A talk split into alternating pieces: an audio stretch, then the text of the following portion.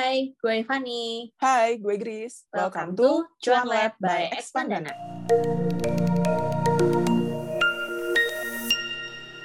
Halo teman-teman, kembali lagi ke episode terbarunya Cuan Lab. Nah, kali ini gue dan Fanny mau ngobrolin suatu topik yang menurut kami berdua nih seru karena kayaknya penting nih buat diketahui oleh banyak orang, yaitu miskonsepsi saat berinvestasi. Jadi kalau di Expandana sendiri kita tuh sering dapat DM atau pas waktu webinar suka dapat banyak nih pertanyaan di kolom chat gitu kan kayak beberapa pertanyaan yang mungkin buat beberapa orang kayaknya ah ini mah udah common sense gitu. Tapi banyak sebenarnya yang masih belum tahu dan kayak butuh dikasih tahu, butuh diajarin gitu. Nah, jadi di sini udah kami berdua kumpulin ada beberapa poin menarik yang paling sering kita temukan dan kita mau debunking lah satu-satu nih misconceptionnya kalau kayak gini apakah memang seperti itu gitu kan? Kalau teori yang kayak gini apakah memang harus dilakukan mutlak 100% seperti itu? Nah di sini gue bakal oper miskonsepsinya. Nah nanti Fanny yang bakal bantu untuk jelasin gitu. Oke kita langsung mulai aja Fanny ya? Boleh, boleh, boleh. Yuk, yuk. yang pertama investasi cuma cocok buat orang yang duitnya udah banyak. Ini yang bikin orang juga banyak yang ragu-ragu untuk mulai karena ngerasa kan gaji gue aja dikit, kecil gitu. Income gue kecil, buat makan aja ngepas gitu kan. Jadi kayaknya untuk orang kayak gue nggak bisa deh untuk investasi. Nah itu gimana Van menurut lo? I see, oke, oke. Bener yang tadi lo bilang ya, kayak buat semua orang tuh blocker pertama biasanya ini. Karena dalam mindset orang itu biasanya, oh duit gue belum cukup banyak nih untuk berinvestasi. Income gue masih terlalu mepet. Alhasil ya udah habis semua tuh buat kebutuhan dia sehari-hari gitu ya. Atau kalau memang gaya hidupnya kurang bagus ya bisa juga agak over mungkin dari sisi lifestyle. Nah, sebenarnya itu mitos doang karena sekecil apa pun income lo sebenarnya kendalinya kan di elu gitu. Money manajemennya kontrolnya kan di elu. Jadi misalkan kita pakai asumsi yang paling basic aja ya. Misalkan kayak salary-nya UMR nih gitu. Aku ambil angka yang bulat aja misalkan 5 juta. Nah, itu sebenarnya kan tetap bisa dialokasikan. Kayak misalkan kita pakai alokasi untuk needs-nya misalkan kalau untuk di angka UMR mungkin agak berat ya kalau 50%, mungkin bisa ke 60 atau 70%. Kemudian masih tetap ada porsi buat misalkan ya self reward deh atau buat senang-senang deh gitu kan. Misalkan 5 sampai 10% ya. Ini aku kecilin aja karena uh, berharapnya bisa maintain lifestyle yang lebih hemat. Not necessarily frugal banget ya, tapi seenggaknya lifestyle yang hemat itu akan sangat membantu sehingga masih tetap ada porsi untuk investasi atau nabung tadi. Jadi seberapapun kecil kita memulai, sebenarnya itu tetap bisa berinvestasi karena mungkin kondisinya beda ya. Kalau zaman dulu belum ada instrumen yang istilahnya bisa dimulai dengan angka kecil-kecil untuk memulai. Tapi kalau sekarang kan pilihannya udah banyak. Yang kayak misalkan contoh gampang aja untuk bisa beli reksadana kan initial capitalnya kecil gitu. Kayak 100 ribu gitu juga bisa, 50 ribu juga bisa. 10 ribu juga bisa Pak sekarang. 10 ribu juga bahkan bisa hmm. gitu. Mungkin ada di beberapa platform bisa. Terus kayak beli emas digital juga kan nggak harus kan beli utuh segram kan. Hmm, nabung. Bisa beli lebih kecil, bisa nabung lebih kecil. Jadi persepsi bahwa kalau memulai habit menginvestasi ini harus dengan uang besar itu sebenarnya enggak sih itu nggak betul gitu jadi jawabannya teman-teman tetap bisa invest dimulai dari kecil-kecil dulu nggak apa-apa di build habitnya baru habis itu bisa makin ditingkatkan ya seiring berjalannya waktu. Mm -mm, setuju. Kita juga perlu meredam hasrat kepengen hasil instan itu sih ya. Karena kan kita mulai kecil-kecil, jadi emang kita sendiri perlu ingat kalau semuanya ada waktunya, perlu proses gitu gak bisa langsung oh kayaknya mau langsung invest sekian terus kayak besoknya langsung dar dapat gitu itu juga ya perlu hati-hati gitu kalau kita mm -mm. punya mindsetnya kayak gitu dan mungkin mau nambahin dikit Van untuk mm. gaya hidup hemat itu sebenarnya juga bisa kita akalin kali ya sebenarnya kalau gue pribadi yang bisa sebenarnya gue hemat adalah makanan makanan dan ngopi mm. itu kalau pas sudah dilihat misalkan jajan kopi terus kayak gue ganti bikin kopi sendiri aja di rumah itu jauh mm -mm. lebih hemat bahkan kosnya bisa setengahnya dan itu yang kayak eh selama ini ternyata bener, bon boncosnya ke situ gitu padahal yeah. Iya. uh, duit segini bisa juga nambahin top up reksadana atau segala macamnya gitu jadi kalau kita teliti budgeting dan segala macam catat pengeluaran itu bakal kelihatan tuh bagian-bagian mana yang ini kayaknya bisa nih lebih dibenerin mm -mm betul betul banget. Oke, kita lanjut yang kedua ya. Ada persepsi kayak gini, Van. Pemula sebaiknya investasinya di reksadana. Hmm. Menurut lo gimana? Oke, sebenarnya ini gue ngerti awal mula persepsi ini muncul karena itu tadi kayak yang kita bahas tadi kalau reksadana kan initial capital yang dibutuhin kecil, Mm-mm. jadi wajar banyak yang ngomong eh kalau pemula reksadana aja itu udah paling gampang. Ya. In a way iya kalau kita ngomongin dari sisi syarat modal yang dibutuhkan. Tapi yang perlu kita ingat kan reksadana sendiri itu jenisnya banyak. Ada reksadana pasar uang, ada pendapatan tetap, ada campuran, ada saham Ada indeks sekarang. indeks juga. Nah, indeks juga saham kan ya.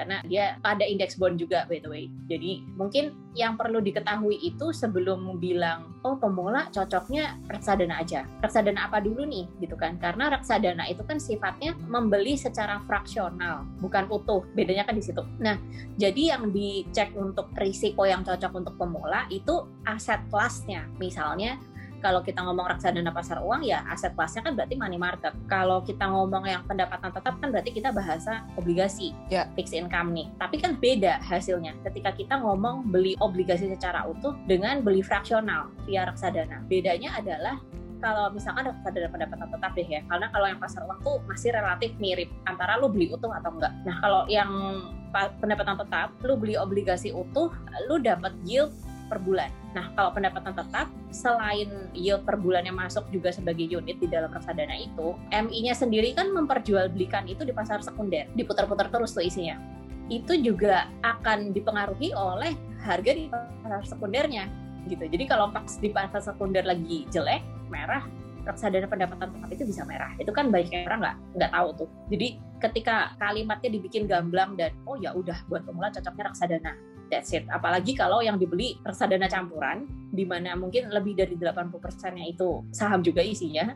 Nah, kemudian reksadana saham yang 90% pasti, minimumnya itu pasti saham, tingkat risikonya kan mengikuti aset yang ada di dalamnya itu, which is sahamnya tadi gitu. Jadi fluktuasinya akan sangat besar. Sama seperti kalau kita langsung aja ke sekuritas atau beli beli saham biasa gitu. Alhasil sebenarnya harus melihat dari profil risiko masing-masing orangnya ya gitu. Kalau untuk pemula siap nggak nih? Udah paham belum nih dari isi reksadananya itu sendiri gitu. Jadi jangan semata-mata kalau beli reksadana gampang nih karena paling aman, cocok nih buat pemula gitu. Tapi dipahami juga bahwa ada risiko dan fluktuasinya tadi gitu kan mungkin lo mau nambahin Ini nih salah satu statement yang emang terjadi juga sih ya. Gue juga inget dulu banget waktu mau coba-coba investasi ya emang reksadana. Karena yang ditawarin dulu pertama kali reksadana gitu. Diajarin sama Hmm. mantan bos dulu gitu kan. Reksadana udah datengin malah orang dari banknya datang ke kantor gitu kan.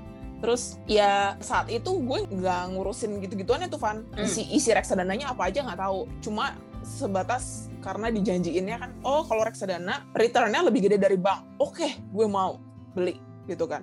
Langsung taruh duit di situ. Nah, kayak gitu doang gitu. Padahal ada resikonya juga tergantung kita milih produknya yang mana. Terus sebenarnya balik lagi sih, mau kita naroknya di RDPU, RDPT atau reksadana campuran dan saham masing-masing kan ada karakteristiknya ya. Jadi Hmm. kita perlu sesuaiin lagi sama profil sama toleransi risiko kita sih. Kalau misalkan, aduh gue tiap lihat merah deg-degan.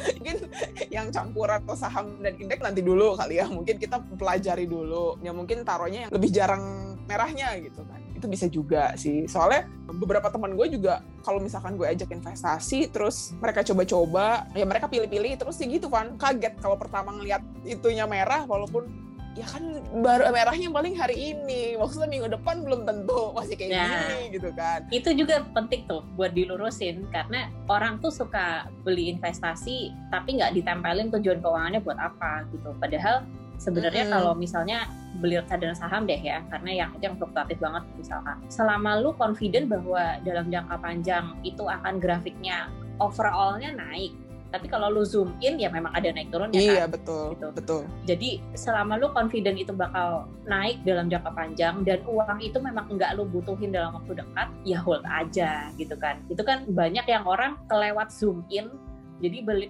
eh, tiap harinya diliatin, padahal selama overall jangka panjangnya, eh ternyata dia naik juga kok. Mm-mm, mm-mm, Itu suka orang nggak ngeh sih mungkin ya istilahnya. mm-mm. kalau emang buat jangka panjang juga saran gue ya udah deh taruh terus udah anggap aja lupa gitu pura-pura lupa nggak usah nggak usah dicek Iya. tiap hari gitu ntar malah spot sport jantung ya tiap hari ngelihat grafiknya oke Mm-mm.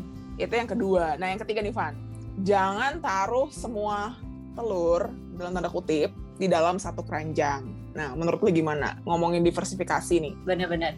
Gue kemarin menemukan sebuah apa ya konsep yang menurut gue cukup sederhana mungkin ya kalau buat dipahami orang gitu. Jadi yang menemukan konsep ini adalah John Bogle dari foundernya Vanguard. Vanguard ini salah satu fund manager yang sangat terkenal lah kalau di Amerika gitu kan. Dia tuh kasih konsepnya simple dan cukup mudah nih kalau buat dimengerti orang-orang. Basically usia lu sekarang itu adalah persentase lu untuk membeli obligasi atau fixed income. Nah, terus 100 dikurangi usia lu adalah persentase lu untuk yang risky. hmm Contoh, itu gampang kan? Jadi kan 100% tinggal berapa persen lu mau fixed income, berapa persen lu mau fluktuasi.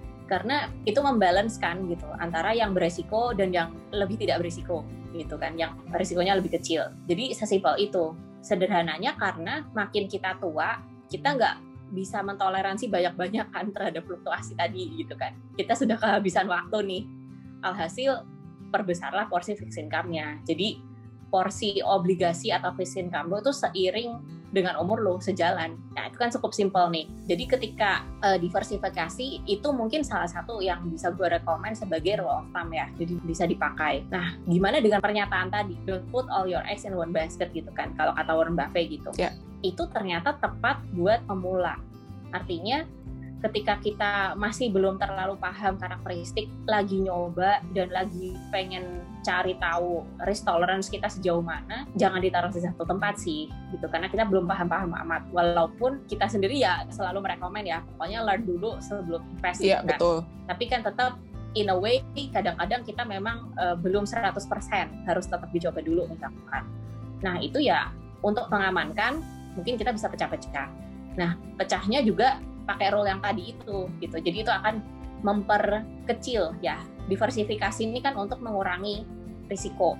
Jadi ketika lo bagi antara yang kurang berisiko dengan yang berisiko sesuai timeline lo ya itu akan much better. Tapi Warren Buffett sendiri juga bilang kalau lu udah tahu dan lu udah skillful, mending all in ke satu tempat.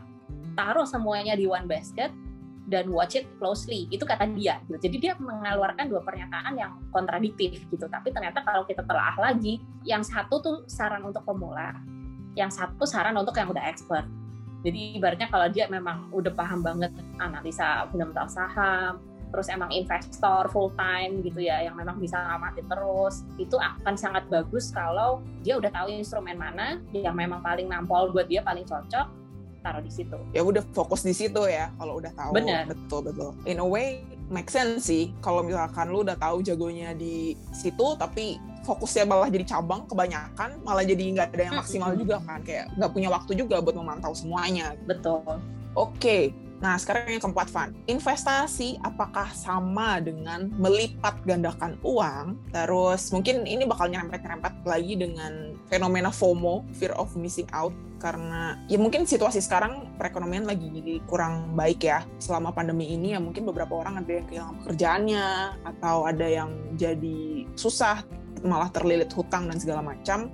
Terus jadi begitu ada duit langsung oh dia investasi ini sukses. Duitnya jadi tambah banyak dalam waktu sekian saja gitu. Jadi mau ikutan gitu. Nah gimana caranya supaya nggak terbawa hype juga apakah memang investasi sama dengan melipat gandakan uang? Nah monggo Van. Oke, ini miskonsepsi yang menurut gue penting banget buat dilurusin ya, karena di luar sana itu, terutama yang belum terpapar literasi finansial gitu, itu tuh benar-benar nganggapnya investasi itu buat ngelipat gandakan uang, itu benar banget.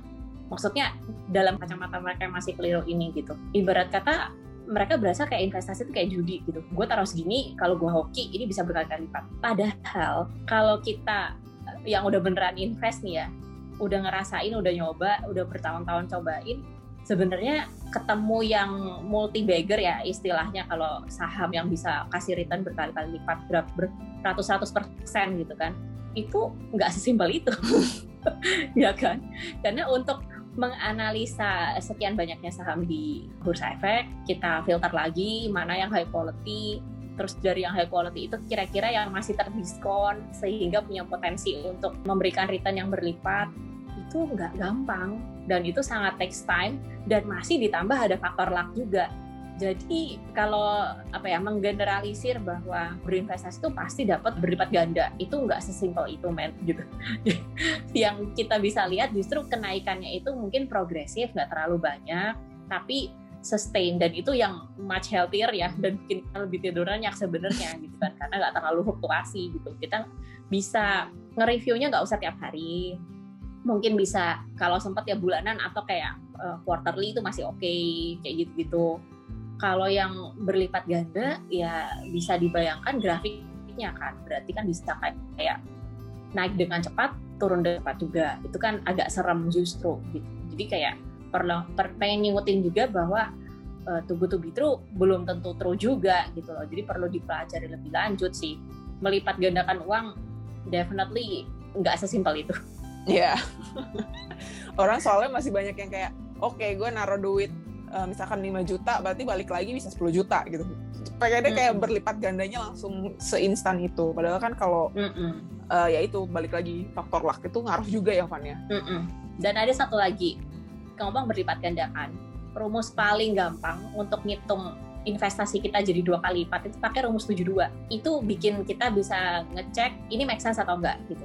Rumus 72 ini udah udah standar lah gitu banyak dipakai juga. Misal gue punya 10 juta. Oke. Okay. gue pengen tahu butuh berapa lama dia jadi 20 juta dong dua kalinya. Kita berasumsi pakai interest rate 6% misalkan. Kalau deposito kan 4% ah kurang menarik. Gue pengen cari yang di atas itu dikit 6% deh. Nah cara ngitungnya 72 sama dengan 6% dikali berapa? Nah jadi 72 nya kita bagi 6 ketemu 12 kan 12 itu 12 tahun teman-teman. Untuk menjadikan 10 juta tadi jadi 20 juta. Gitu. Itu rumus udah kayak rule of thumb juga gitu. Jadi bisa bisa dipakai kalau misalkan kita lagi nggak di dekat kalkulator atau apa ya financial kalkulatornya lagi ya nggak bisa gitu. Kita pakai rumus itu untuk ngawang-ngawang itu bisa. Mirip hasilnya sangat mirip gitu. Jadi bayangin kayak tadi 6% kan gue nggak terlalu ambisius ya. Ya kalau lo bisa ambisius di atas 10% bisa deh gitu. Mungkin lebih cepat tinggal dibagi aja 72 itu key-nya gitu jadi dari A menjadi B dua kali lipatnya itu butuh berapa lama lo bisa hitung make sense nggak kira-kira dengan itu hmm.